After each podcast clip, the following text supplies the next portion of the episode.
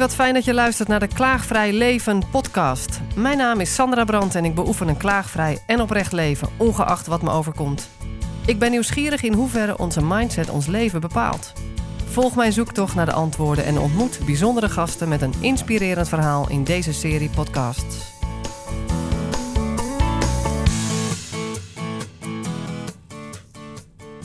Ik ben Nancy van der Zee en uh, ik ben heel nieuwsgierig naar dit uh, interview. Heerlijk hè, dat we gewoon onvoorbereid weer beginnen, zoals ja, altijd. In de energie van het moment. In de energie van het moment. Vertel daar eens iets over. Ja, Want die taal bezigt niet iedereen. Nee, precies. Um, nou, als ik kijk naar mezelf, um, was ik in het verleden altijd bezig met controle. En ik had altijd het idee dat ik het goed moest doen voor andere mensen. En um, ik kwam er op een gegeven moment achter tijdens mijn um, trainingen die ik geef. Want ik ben energetisch life coach. En ik coach ook mensen in bewustwording en bewustzijn. Um, kwam ik erachter dat dat voor mij niet werkte. Alles uh, gestructureerd. En toen ben ik gewoon echt uh, naar mezelf gaan luisteren. En ben ik gaan volgen wat er op dat moment kwam. En daar kwamen hele mooie dingen uit. En... Ik hoor je zeggen dat. Dus je was heel erg bezig met controle. En dat het niet werkte dat gestructureerde. Voor mij. Dus, dus controle, controle voor en, mij, ja. en gestructureerde was één of? Voor mij was dat één, mm -hmm. ja. Met structuur heb je controle, dacht je? Dat dacht ik, ja. -hmm. En wat, maak, wat maakte dat dat niet, uh, niet de weg was, wat jou betreft? Um, in het moment uh, werken, dan komt ook uh, de intuïtie meer naar boven. Mm -hmm. En ja dan volg ik gewoon uh, meer mijn hart eigenlijk. En dat is. Uh... Dus eigenlijk, zodra je met controle bezig bent, ben je niet meer echt met het moment bezig, lijkt het. Ja, dan ben ik vooruit aan het plannen. Ja, dus dan hou, leg je vast hoe het moet gaan dan... lopen. En dan ben je eigenlijk niet meer open ja. voor wat er nou eigenlijk, hoe het loopt Precies. in het echt. En in sommige gevallen is plannen natuurlijk uh, goed. Um, en ik merkte dat het voor mij niet altijd uh, werkte. Ook niet privé en ook niet in mijn werk als nee. energetisch life coach. Is er een speciaal moment geweest waarop je dacht het roer moet om? Um, van structuur naar aanwezigheid in het moment? Dat heb ik al wel eerder ook ja, in mijn leven wel uh, ja, meegemaakt, zeg maar. En uh, hoop chaos gehad en hoop, uh, hoop dingen meegemaakt um, in mezelf. En eigenlijk ook wel door mijn borstkanker, die ik, uh, waarmee ik geconstateerd werd, of, um, ja, is dat toch wel veranderd. Ja, nog extra over. veranderd. Want wanneer, is dat, wanneer kreeg je dat te horen? Nou, in 2018, in april, kreeg ik te horen dat ik uh, uh, borstkanker had. En um, het kwam op een moment eigenlijk dat ik heel erg lekker ging in mijn leven. Dus het, het was echt een, uh, ja, ik had echt zoiets, gaat dit over mij? Dit dat paste niet, paste niet in, in, het plaatje. Uh, in het plaatje. Um, ik geloof wel altijd dat uh, niets voor niets is. Hmm. En dat ik uh, um, dat leg, lichaam en geest uh, samenwerken. En als ik kijk naar mijn eerdere leven, heb ik mezelf um, best vastgezet in mijn lichaam. Dus voor mij was het ook een soort van uiting van nou, het lijkt wel of het er nu uit moet komen. Hmm. Um, maar het was zeker wel onverwachts. Oh, shocking. Ja. Paste niet van nu. Nee, ik, nooit toch eigenlijk? Zou nee, denken. precies. Maar ik had echt zoiets van, huh, nu? En ik ga net zo lekker. En dat ik het horen kreeg, had ik ook echt het idee van... Uh, uh, nou, ik was eigenlijk boos. Ik heb echt uh, alle scheldwoorden gebruikt. Dat Tuurlijk, ik zei ja. van, het komt me nu niet uit. Dat heb Mhm. ik gezegd. Ik ga nu net zo lekker in mijn leven. Ik heb er geen zin in. Mhm. Ja, Maar dat was typisch iets waar je geen controle over kon daar had ik geen controle over. Maar Nee. over wel? Ehm, Was er iets waar je Nou ja, toch, toch vastigheid Kijk, ik ben altijd al bezig met, um, met je geest. Ik gebruik ook altijd heel veel affirmaties. En dat is al iets uh, vanuit mijn eerdere... Um, ja, vlak na mijn scheiding heb ik een burn-out gehad. En toen heb ik uh, vijf maanden op bed gelegen. Alleen maar op bed gelegen. Wow. En dat was voor mij mijn diepste punt in mijn leven. En daarbij um, ben ik op een gegeven moment zelf gaan trainen op uh, de kracht van de gedachtes. En Louise Hay was voor mij een hele inspiratie. Die had ik eerder in mijn leven ook wel al uh, gezien en ontdekt. Alleen dat kwam ja, nu meer naar voren. En, uh, ja, zij heeft een boek geschreven, toch? Over Ja, eh, zij, wat je lichaam je vertelt? Of ja, ook heel je lichaam. En zij, maar dat, dat was toen ook meer over dat je je mind kunt trainen, zeg maar, Mhm. op, op gedachtes. En het is niet alleen de gedachtes, want je moet ook de vibratie hebben. Dat is dan de energie, uh, eigenlijk het voelen alsof je het al hebt. En uh, daar ben ik ben, toen aan de slag gegaan. Dus het was voor mij uh, voor nu in het geval met borstkanker ook weer iets waar ik op terugpakte, zeg maar. Dus ik ben ook gaan trainen uh, ja, voor mezelf. Van oké, okay, wat ga ik tegen mezelf zeggen in dit geval met borstkanker? En even terug naar dat punt dat je zoveel maanden op bed lag. Ja. vijf maanden. Dat je daarin ook zelf besloot dat je daarin iets kon trainen. Dus het, kwam dat ja, uit ik? Heb, ja, ik, ik ben toen nooit naar een dokter geweest. Uh, want ik had ook het idee van dat kan ik allemaal zelf wel. En er was heel veel chaos uh, na mijn uh, scheiding. En um, ik moest mezelf weer hervinden. En tot op het punt dat ik echt dacht van nee, nu kan ik echt niet meer. Dus ik had de bodem geraakt.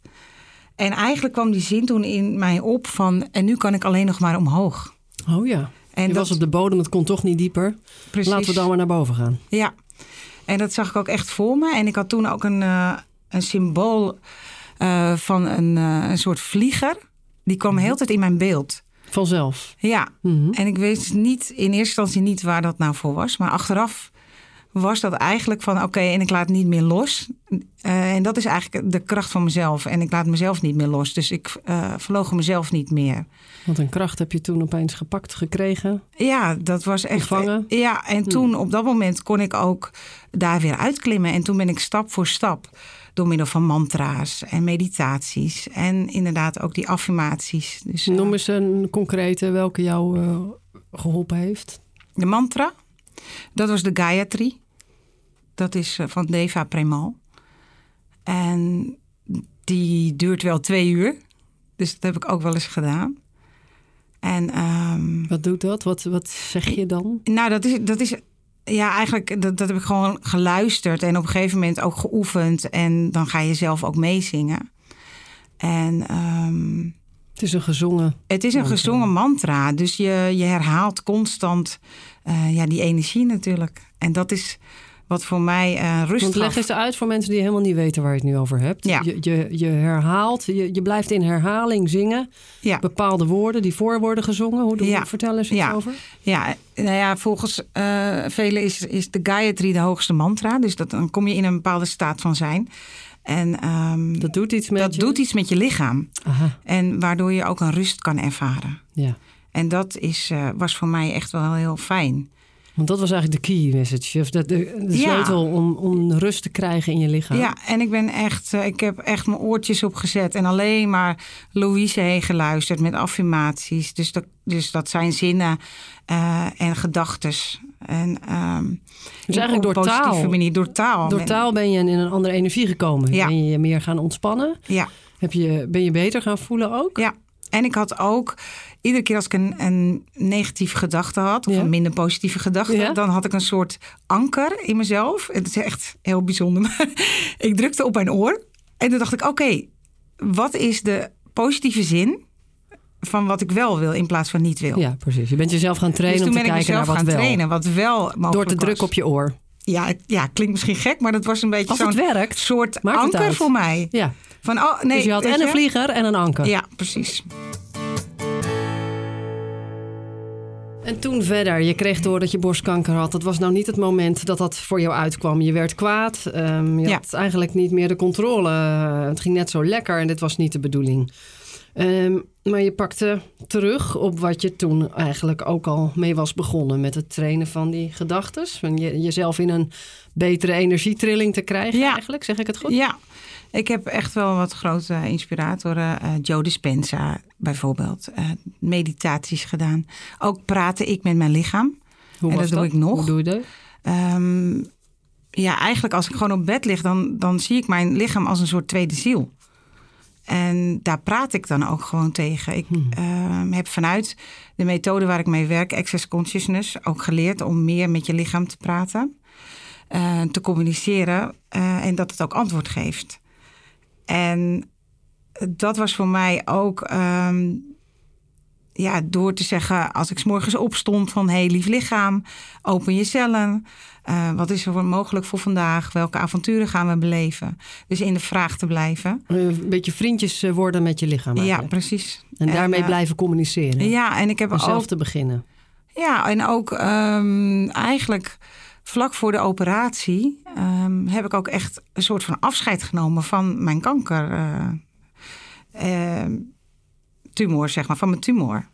En ik ben daar ook op een positieve manier tegen gaan praten. Nou, dat blijkt dan als je zegt dat je afscheid hebt genomen. Is, is het, heb je hem blijkbaar eerst geïntegreerd als ook echt onderdeel van jou. Ik denk dat dat Ja. vrij unieke zienswijze is. Het is toch Ja. doorgaans iets wat, waarvan je niet wilde dat het van jou is... en waarvan je ook niet eens bedenkt dat het van jou Ja, je is. ziet natuurlijk ook heel veel mensen vechten tegen dat stuk. En, Ja. en eh, het- dat, dat begrijp ik ook. Tuurlijk, ja. En ik had zelf zoiets van: oké, het is van mij. Dus ik kan het eerst het beste eerst omarmen dat het er is.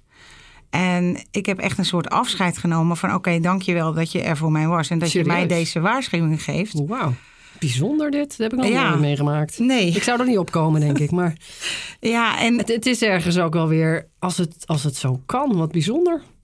ja, en toen heb ik echt gezegd: van, het is niet meer nodig. Je mag van mij uit mijn lichaam gaan. En eh, laat het alsjeblieft wegblijven. En wat, en wat heeft het jou gebracht dan? Want je zegt bedankt voor wat je hebt Nou, het heeft mij niet. En, in mijn gegeven. Zienswijze is het ook zo dat ehm, achter elke ziekte zit een psychologische oorsprong. Daar geloof ik in. Oké, dat is jouw aanname al. Ja. En, eh, Dus daar ben je naar op zoek gegaan dan? Ja. En ik geloof erin dat als je dingen dus eh, ook opruimt, eh, geestelijk, Mhm. dat dat dan ook eh, ja, of wegblijft of eh, ja. Ehm, en, Ik, ik, ga, ik vraag me altijd meteen af hoe dat dan zit met...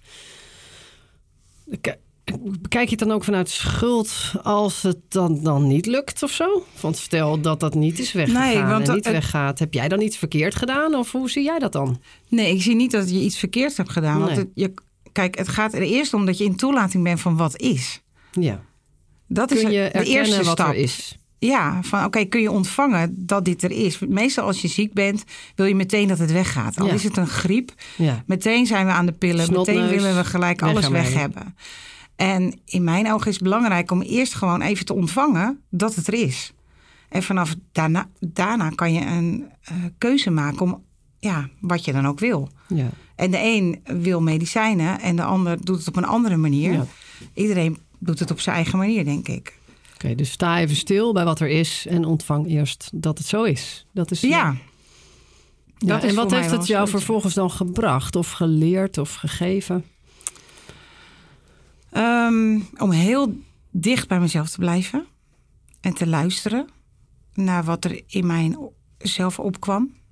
En dan nog heb ik de wijsheid niet in pacht, want ik weet het niet. Ik weet niet wat de gevolgen hiervan zijn. Maar het was voor mij zo'n eh, ja, duidelijk iets eh, om te volgen dat het voor mij mijn pad is. Zo voelt het. Wat was duidelijk om te volgen? Het volgen van, want ik was eh, bij het ziekenhuis en Mhm. ik had een tumor van 4 centimeter. En ik had wat microcellen in mijn oksel. En dan krijg je een protocol dat je het hele, ja, ik zeg wel eens pretpakket moet. Klinkt misschien raar, maar Je bedoelt dan met is het chemokuur de en alles? chemo, de bestraling. En ik kreeg dan een borstbesparende operatie. En ehm, daarna ook hormoontherapie. En dat zijn natuurlijk protocollen. Mhm, En ik had een enorme weerstand op de chemo en de hormoontherapie. mhm. Eh, alles in mijn lijf zei nee. En dat heb ik gevolgd. Ehm, dus ik heb wel de borstbesparende operatie gehad. En ik heb ook de eh, bestraling gehad. Eh, en daarna ben ik daarmee gestopt. Ehm, ja, en dat Dus je hebt het pretpakket niet opgevolgd? Nee, en dat was natuurlijk ja, best wel eh, ook heftig om te beslissen hoor. Want het is niet zomaar even... Nee, snap ik. Want het Eh, zijn toch professionals, wetenschap wat erachter zit, zoals Precies. het hoort, zoals het gaat. Ja, Dit wordt jou eh, aangeboden, dit gaan we doen, zo Ja. ongeveer. ja ik ben... eh, En dan luisterde jij naar je lijf en je voelde, maar dit is niet de weg die ik heb te gaan. ja, En daar is moed voor nodig, kan ik me heel goed voorstellen. Ja, daar is moed voor nodig. En ehm, ja, je, je wordt... Voelde je gesteund op de een of andere manier? Nee, in eerste instantie niet. Nee. Zeker niet door de, door de artsen en eh, het ziekenhuis. Um, omgeving ook niet. Nee, die willen het beste voor jou en verwachten zeker, dat dat het beste is. Zeker, ja. En dat begrijp ik ook. Ja. Um, en dat was natuurlijk ook best wel even een weerwar en heel veel chaos in mijn hoofd ook. En ook de projecties van andere mensen. Want je krijgt natuurlijk meteen het verhaal van Sylvia Millekamp. En iedereen uh, heeft, heeft bepaalde ideeën bij het woord kanker natuurlijk. Dat, Ja. dat is al een heel belangrijk Ja, en woord. vanuit de intentie om jou te redden en het beste voor jou te Dat kiezen. heb ik ook begrepen. En eh, ik ben zelf gaan onderzoeken naar andere methodes. En ehm, gaan lezen. En ben naar lezingen gegaan. Ehm, en naar alternatieve wegen. En eh, uiteindelijk ben ik toen gekomen bij, ehm, bij een reis naar India. En daar heb ik eh, een eh, kuur gevolgd, een Panchakarma kuur. En daar ben ik toen drieënhalve week eh, naartoe gegaan. En die kuur die brengt lichaam en geest dichter bij elkaar. En dat voelde voor mij als een, ja, een soort vervanging van de chemo op dat moment. En ehm En hoe vonden de artsen dat waarmee je te maken had? kwakzalverij. Raden Ja. ze het af? Ja, nou, ze raden sowieso af dat ik niet de chemo ging kiezen. Dat Ja. was het eigenlijk. Dat, dat vonden ze natuurlijk niet leuk. En ze hebben ook letterlijk wel gezegd van het is kwakzalverij wat je doet. En dat vond ik ook niet makkelijk om te ontvangen hoor. Ehm, omdat ik het ook als een veroordeling zag. En, ehm, Nou, dat is het toch? ja, en ik had ook zoiets van, ja, het is mijn lichaam en ik, ik wil dit graag. En ik weet ook jullie beste bedoeling. En eh, ja, in andere landen gaan ze al heel anders om met borstkanker. In Duitsland bijvoorbeeld hebben ze al meer eh, samenwerking tussen eh, zie- ziekenhuizen, reguliere wegen en de, de alternatieve wegen. Die zitten ook in één ziekenhuis. Ja. En ook in de Scandinavische landen, in Amerika hebben ze al andere methodes. En ja, in Nederland nog niet, Blijft nog een beetje achter wat jou betreft. wat mij betreft. Ja. En hoe ging dat verder?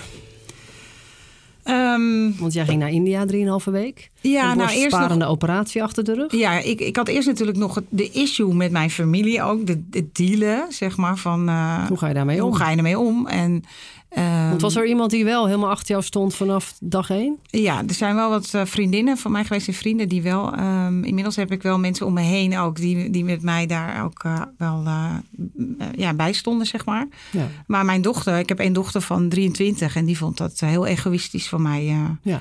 Dat ik anders ging beslissen. Ja, en mijn ouders ook. Dat waren, kijk, ik heb geen partner op dit moment en toen ook niet. En ehm, ja, die was bang. En Ja. dat begreep ik ook heel erg. En ik heb haar ook wat filmpjes laten zien en ook uitgelegd wat mijn bewegingen waren daarna. Hmm. Van, en dan heb ik het over mijn dochter ook en daarna ook mijn ouders. En ja, mijn dochter kreeg op een gegeven moment ook de vraag van iemand van hoe is het voor jou? En toen antwoordde zij met van ehm het mooiste les wat ik hieruit heb geleerd is dat mijn moeder haar hart volgt. Hmm. En ehm, daar sta ik nu achter. Dus dat, eh, dat vind ik ook wel heel mooi. Zeker. En ehm, het is ook niet makkelijk. Maar ik heb in mijn eerdere momenten van mijn leven zoveel weggegeven van mezelf. En zoveel voor anderen gedaan. Dat ik bij dit stuk echt zoiets had van nee, dit is iets van mij. En weggegeven van jezelf bedoel je over je eigen innerlijke weten heen stappen Ja. waarschijnlijk. Ja. En over mijn grenzen en eh, voor anderen er zijn. En niet mijn eigen. Ik, Niet eh, luisterend naar Ja. wat er in dat gesprek met je lichaam ontstaat. Ja, En hoe waren die drie weken, drieënhalf weken in India? heel bijzonder. Heel bijzonder. Ja. Vertel eens. Nou ja, sowieso waren wij daar met een groep. Met ehm, Henk Fransen. Dat, was een, dat is een, eh, een eh, regulier opgeleide arts.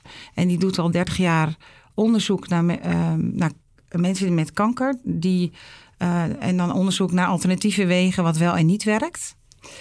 En hij had een, ehm, eh, ja, een reis naar India. En eh, hij zocht eh, mensen die daar voor, ehm, voor in aanmerking wilden komen. Of tenminste, dat wilden.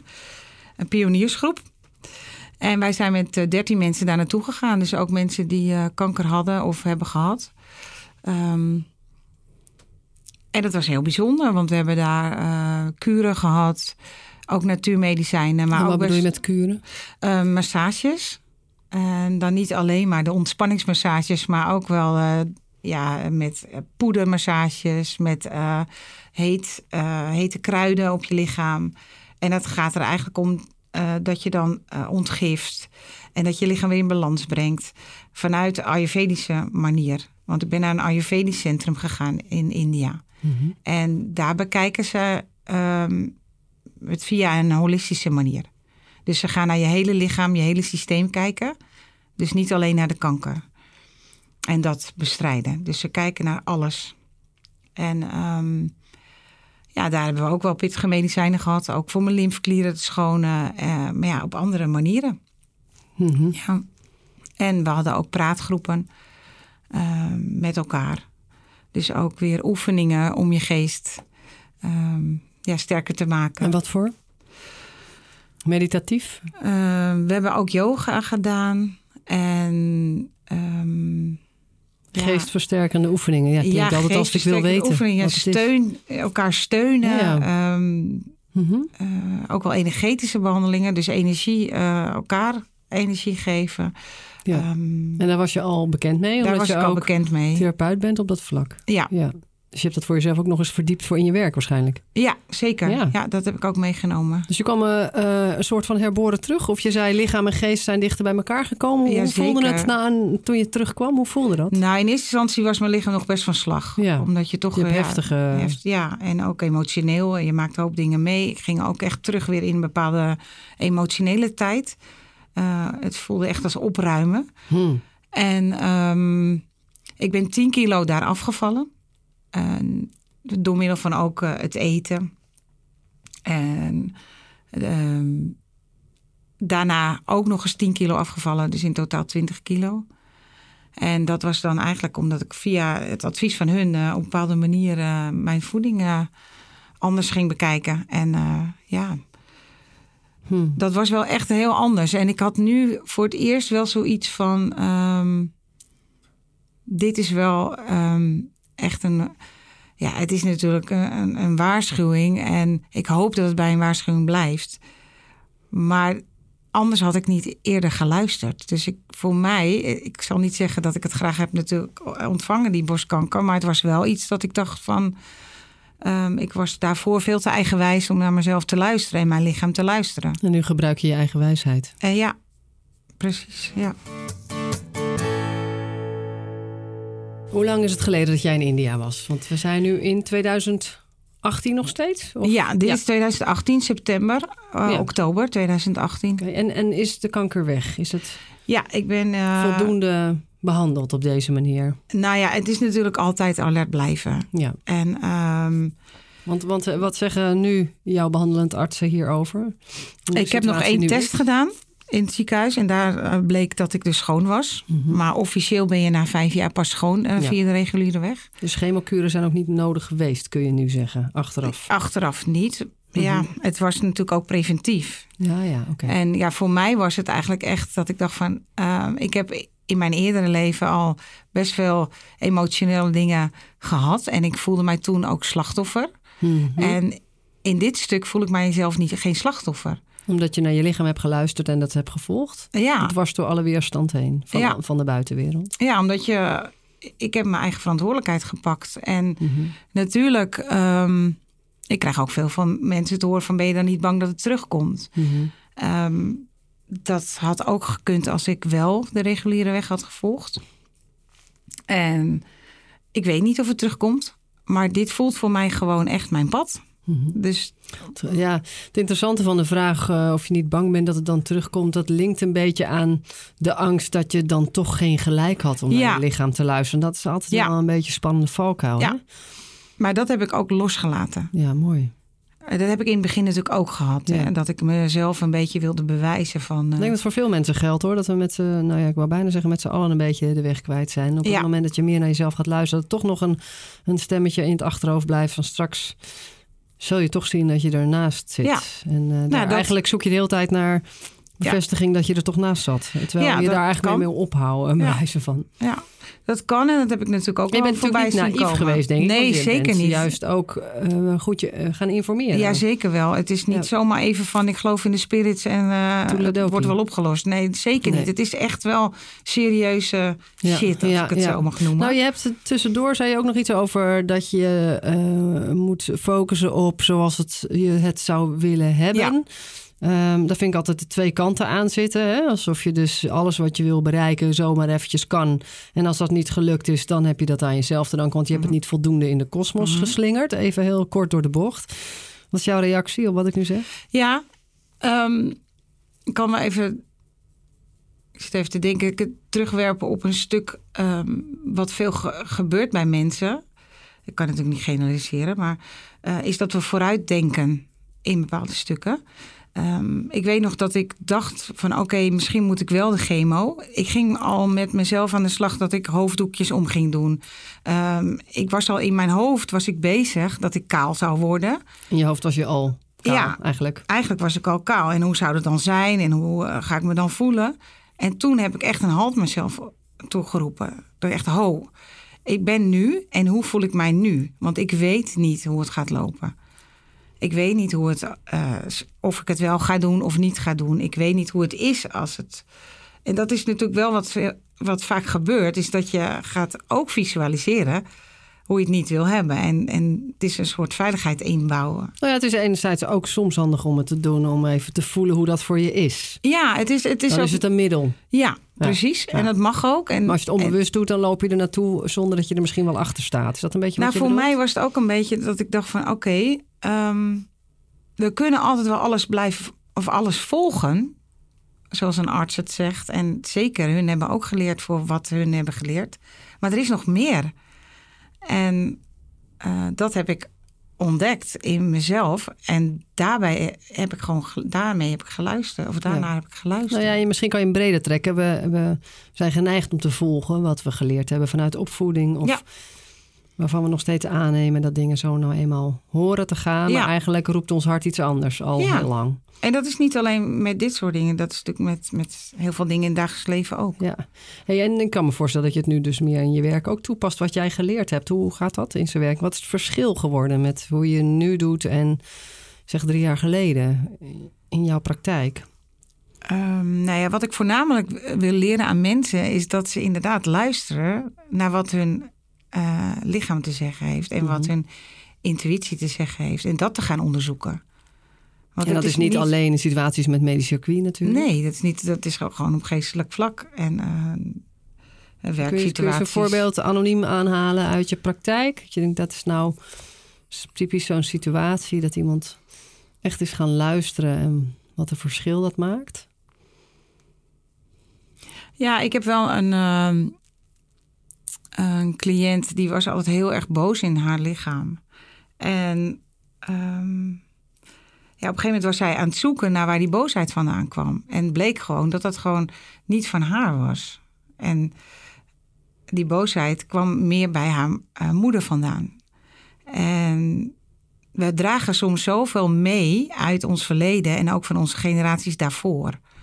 Wat niet van onszelf is. Mm -hmm. En daar staan we niet bij stil. En als je daar wat bewuster van wordt, dan is het misschien niet van jou. Want ja, maar het is een patroon wat je hebt aangenomen voor, voor als waarheid. Als je daarbij kan, dan kun je het ook doorbreken voor de volgende generatie. Ja, en, en, dus het is constant bewust worden van je acties. Ja. En dat is ehm, wat zij ook geleerd heeft. En waardoor zij nu ook um, na een traject en een, ehm, ook een, een groepstraject veel rustiger in de zelf is geworden. Ze heeft een andere uitstraling. Haar, haar gezicht is zachter. En zij. Uh... Bijzonder, hè? Want ik zie dat verschil bij jou ook, van drie jaar geleden en nu. Zo'n verschil in uitstraling. Ja, klopt. Bijzonder is dat. Toch? Maar dat komt ook meer omdat ik echt meer naar uh, ja, mezelf ben. En uh, dat het niet perfect hoeft te zijn. Mhm. Ik heb ook gewoon mijn goede kanten en mijn schaduwkanten. En als je alles daarmee kan omarmen, dat dat er mag zijn. Ja, dan... dan word je een stukje relaxter van. Misschien wordt dat ook de zachtere uitstraling of de mooiere. Dat je niet meer bezig bent om iets te maskeren. Bijna. Ja, en te vechten.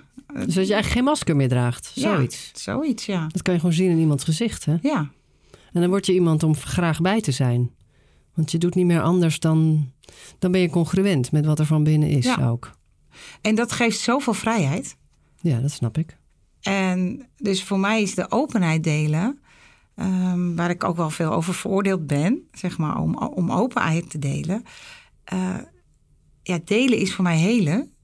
En ehm, dat, eh, dat ik ook dingen heb die, die minder leuk zijn. En dat ik dingen heb die leuk zijn, maar dat alles er mag zijn. Maar waar ik nu opeens aan denk is dat je zegt ehm, waar ik zoveel om veroordeeld ben, om die openheid. Misschien ga ik te snel, maar is het niet zo dat je zelf ook gestopt bent met de innerlijke criticus om jezelf te veroordelen voor openheid? Ja, dat zeg je goed. En Ja. sinds je daarmee gestopt bent, dat je het ook niet meer in je omgeving zo ziet Zeker. weerspiegeld? Uiteindelijk is dat En natuurlijk dat is vrijheid, zo, hè? Als je niet vrijheid. laat ehm, beletten door de innerlijke criticus. Ja. Dat klopt. Dat Dan ben je ook niet zo bezig met wat anderen ervan Ja. vinden. Want die innerlijke criticus, je, je, je volgt je eigen pad. Ja, het zegt natuurlijk ook vaak iets over jezelf Ja. als je dat tegenkomt. Op het moment dat iemand Ja. iets zegt wat jou raakt, kan, is het vaak omdat het haakt aan wat je eigenlijk van binnen Van tegen binnen jezelf zelf. tijd zegt. Hè? Ja. Als je daar bewust van bent, hoef je ook niet te klagen over die ander wat hij toch allemaal zegt. Maar kun je met jezelf aan de gang. Ja. hè? En het zegt ook eigenlijk alles over jezelf. Ehm, het is ook niet dat een ander jou iets aandoet. Nee, Nee, dat geloof ik niet. Nooit. Ehm, nou, het zijn de keuzes die je maakt. Wat ga je doen en waar, hoe reageer, je op de ander? Mhm. Dat zijn keuzes. Mhm. Je kan zeggen, ik laat het bij jou en ik ga weg. Of ik stap... Ja. Ja.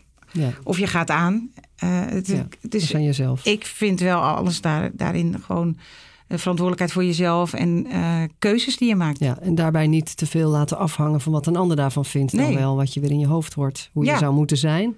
Ja. Ja. Ja, en En- dat is meer vanuit, eh, vanuit eigen verantwoordelijkheid ja. dan vanuit het slachtoffer dat iets jou aangedaan wordt. Maar goed, dan moet je eerst door dingen heen hè, en wat tools voor krijgen om dat te ontdekken. Dat gaat niet zomaar in ene Nee. Weg. Dat is ook een hele Nee, en ik hoor daar ook dat je niet mensen veroordeelt die wel een slachtofferpositie Nee. nog hebben. Nee. Nee, want je snapt dat. Ja, dat snap ik zeker. Daar ja. kom je zelf ook vandaan. Daar kom ik zelf ook vandaan. En je kent ook de weg om daaruit te komen. En dat die ook wel, nou ja, daar heb je wat voor nodig. Soms een signaal, zoals die burn-out. Ja, precies. Ja. En dat is ook met, ehm, als even terug te komen op de borstkanker. Mensen die wel voor de chemo eh, gaan en de, naar de arts eh, luisteren daarin. En dat is ook oké. Mhm. Want eh, ik hoor ook wel eens mensen die er niet voor kiezen dat ze fanatiek worden, anti. En dat mag ook. Maar ik heb zoiets van iedereen moet zelf weten wat hij doet. Tuurlijk. En nou ja, het en voor moet hetzelfde geld in een andere situatie, ik wens het je niet toe, zou je daar wel voor kiezen of Precies. gekozen hebben, omdat dat weer Ja. klopt, bedoel je? Ja, dus dat is voor iedereen anders. Nee. En ehm, ook het niet kiezen vond ik best pittig Ja. daarvoor, zeg maar, om eh, dat te dragen. Ja.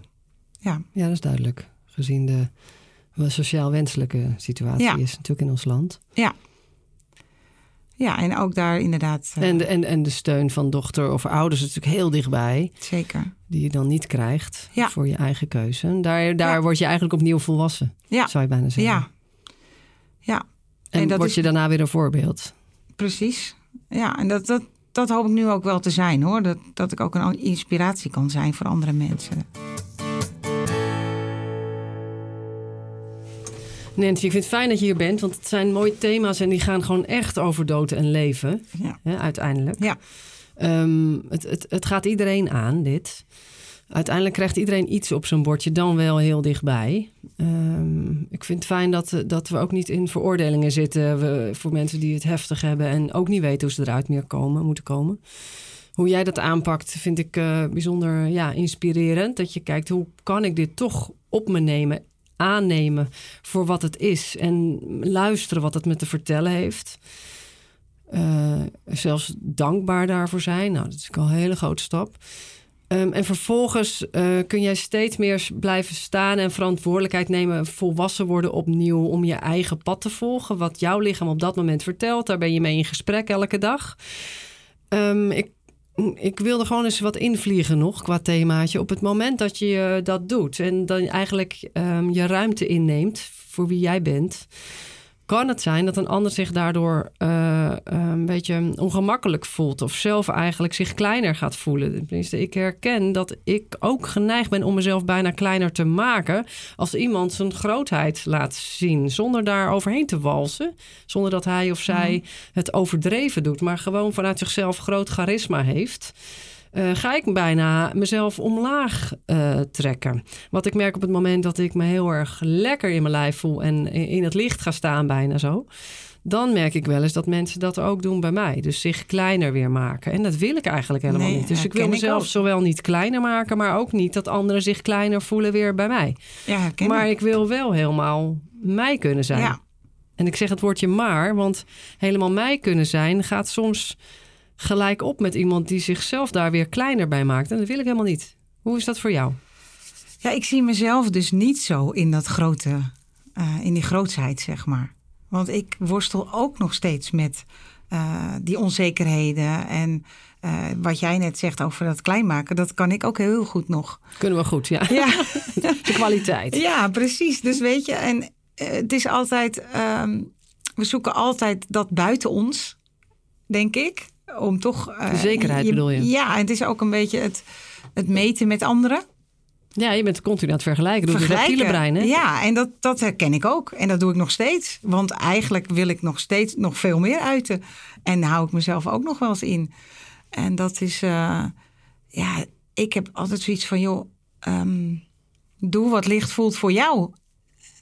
En dat is het allerbelangrijkste. En dat is ook iets ehm, wat ik mijn dochter mee wil geven. Dat welke keuzes ze ook maakt in het leven, dat ze de keuzes maakt die voor haar werken.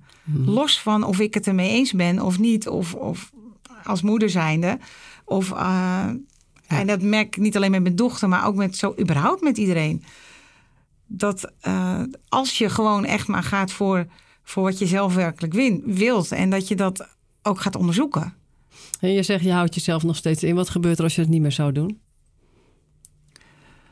Ehm, Als je wel helemaal jou bent en straalt zoals... Ja, zonder je in te houden. Of zonder je te laten inhouden door de criticus in je Ja. eigen hoofd. Wat gebeurt er dan? Ik vind je al zo stralend, maar dan ga je helemaal eh, knallen, denk ik. Nee, maar probeer eens vrij te... nee, hoor. Oh ja, dan krijg je dat. De angst voor de capsones, oh. ja, ja, de angst voor te veel te zijn. Ja, dat is ook nog wel een stukje. Maar als je daar nou eens even voorbij loopt, wat gebeurt er? Wat, Ja, wat, nou wat ja, is er dan, aan de hand? Dan kun je, kun je dat veel breder trekken natuurlijk. En dan kun je ook in de ik praten met je nu? energie... Oh ja, dan kan ik met mijn energie... kan ik gewoon andere mensen daar ook eh, omhoog mee tillen. Ja, wat is er dan aan jou te merken dan? Als jij je helemaal niet meer tegenhoudt en helemaal niet meer inhoudt. Wat gebeurt Ja, dan er ga dan? ik stralen. Ja, gaan mijn ogen echt glinsteren en stralen. En dan weet ik dat... eh, ja, dat, dat als je binnenkomt, dan, dan ben je eigenlijk al bezig om anderen daar ook mee op te liften. En dat is wel mijn wens. Ja, ik, ik hou me even in nu, maar ik, ik merk dat je toch weer in de je gaat praten. Oh, sorry. Nee, sorry, is niet, hoeft ook weer niet. Maar het is mooi. Ja, dat je, begrijp je, Daarin ja. zit het al het tegenhouden Het om heel in de grappig. ik te praten. Ja, en want het- dat train ik mijn mensen ook altijd. En nu doe ik het zelf. Dankjewel.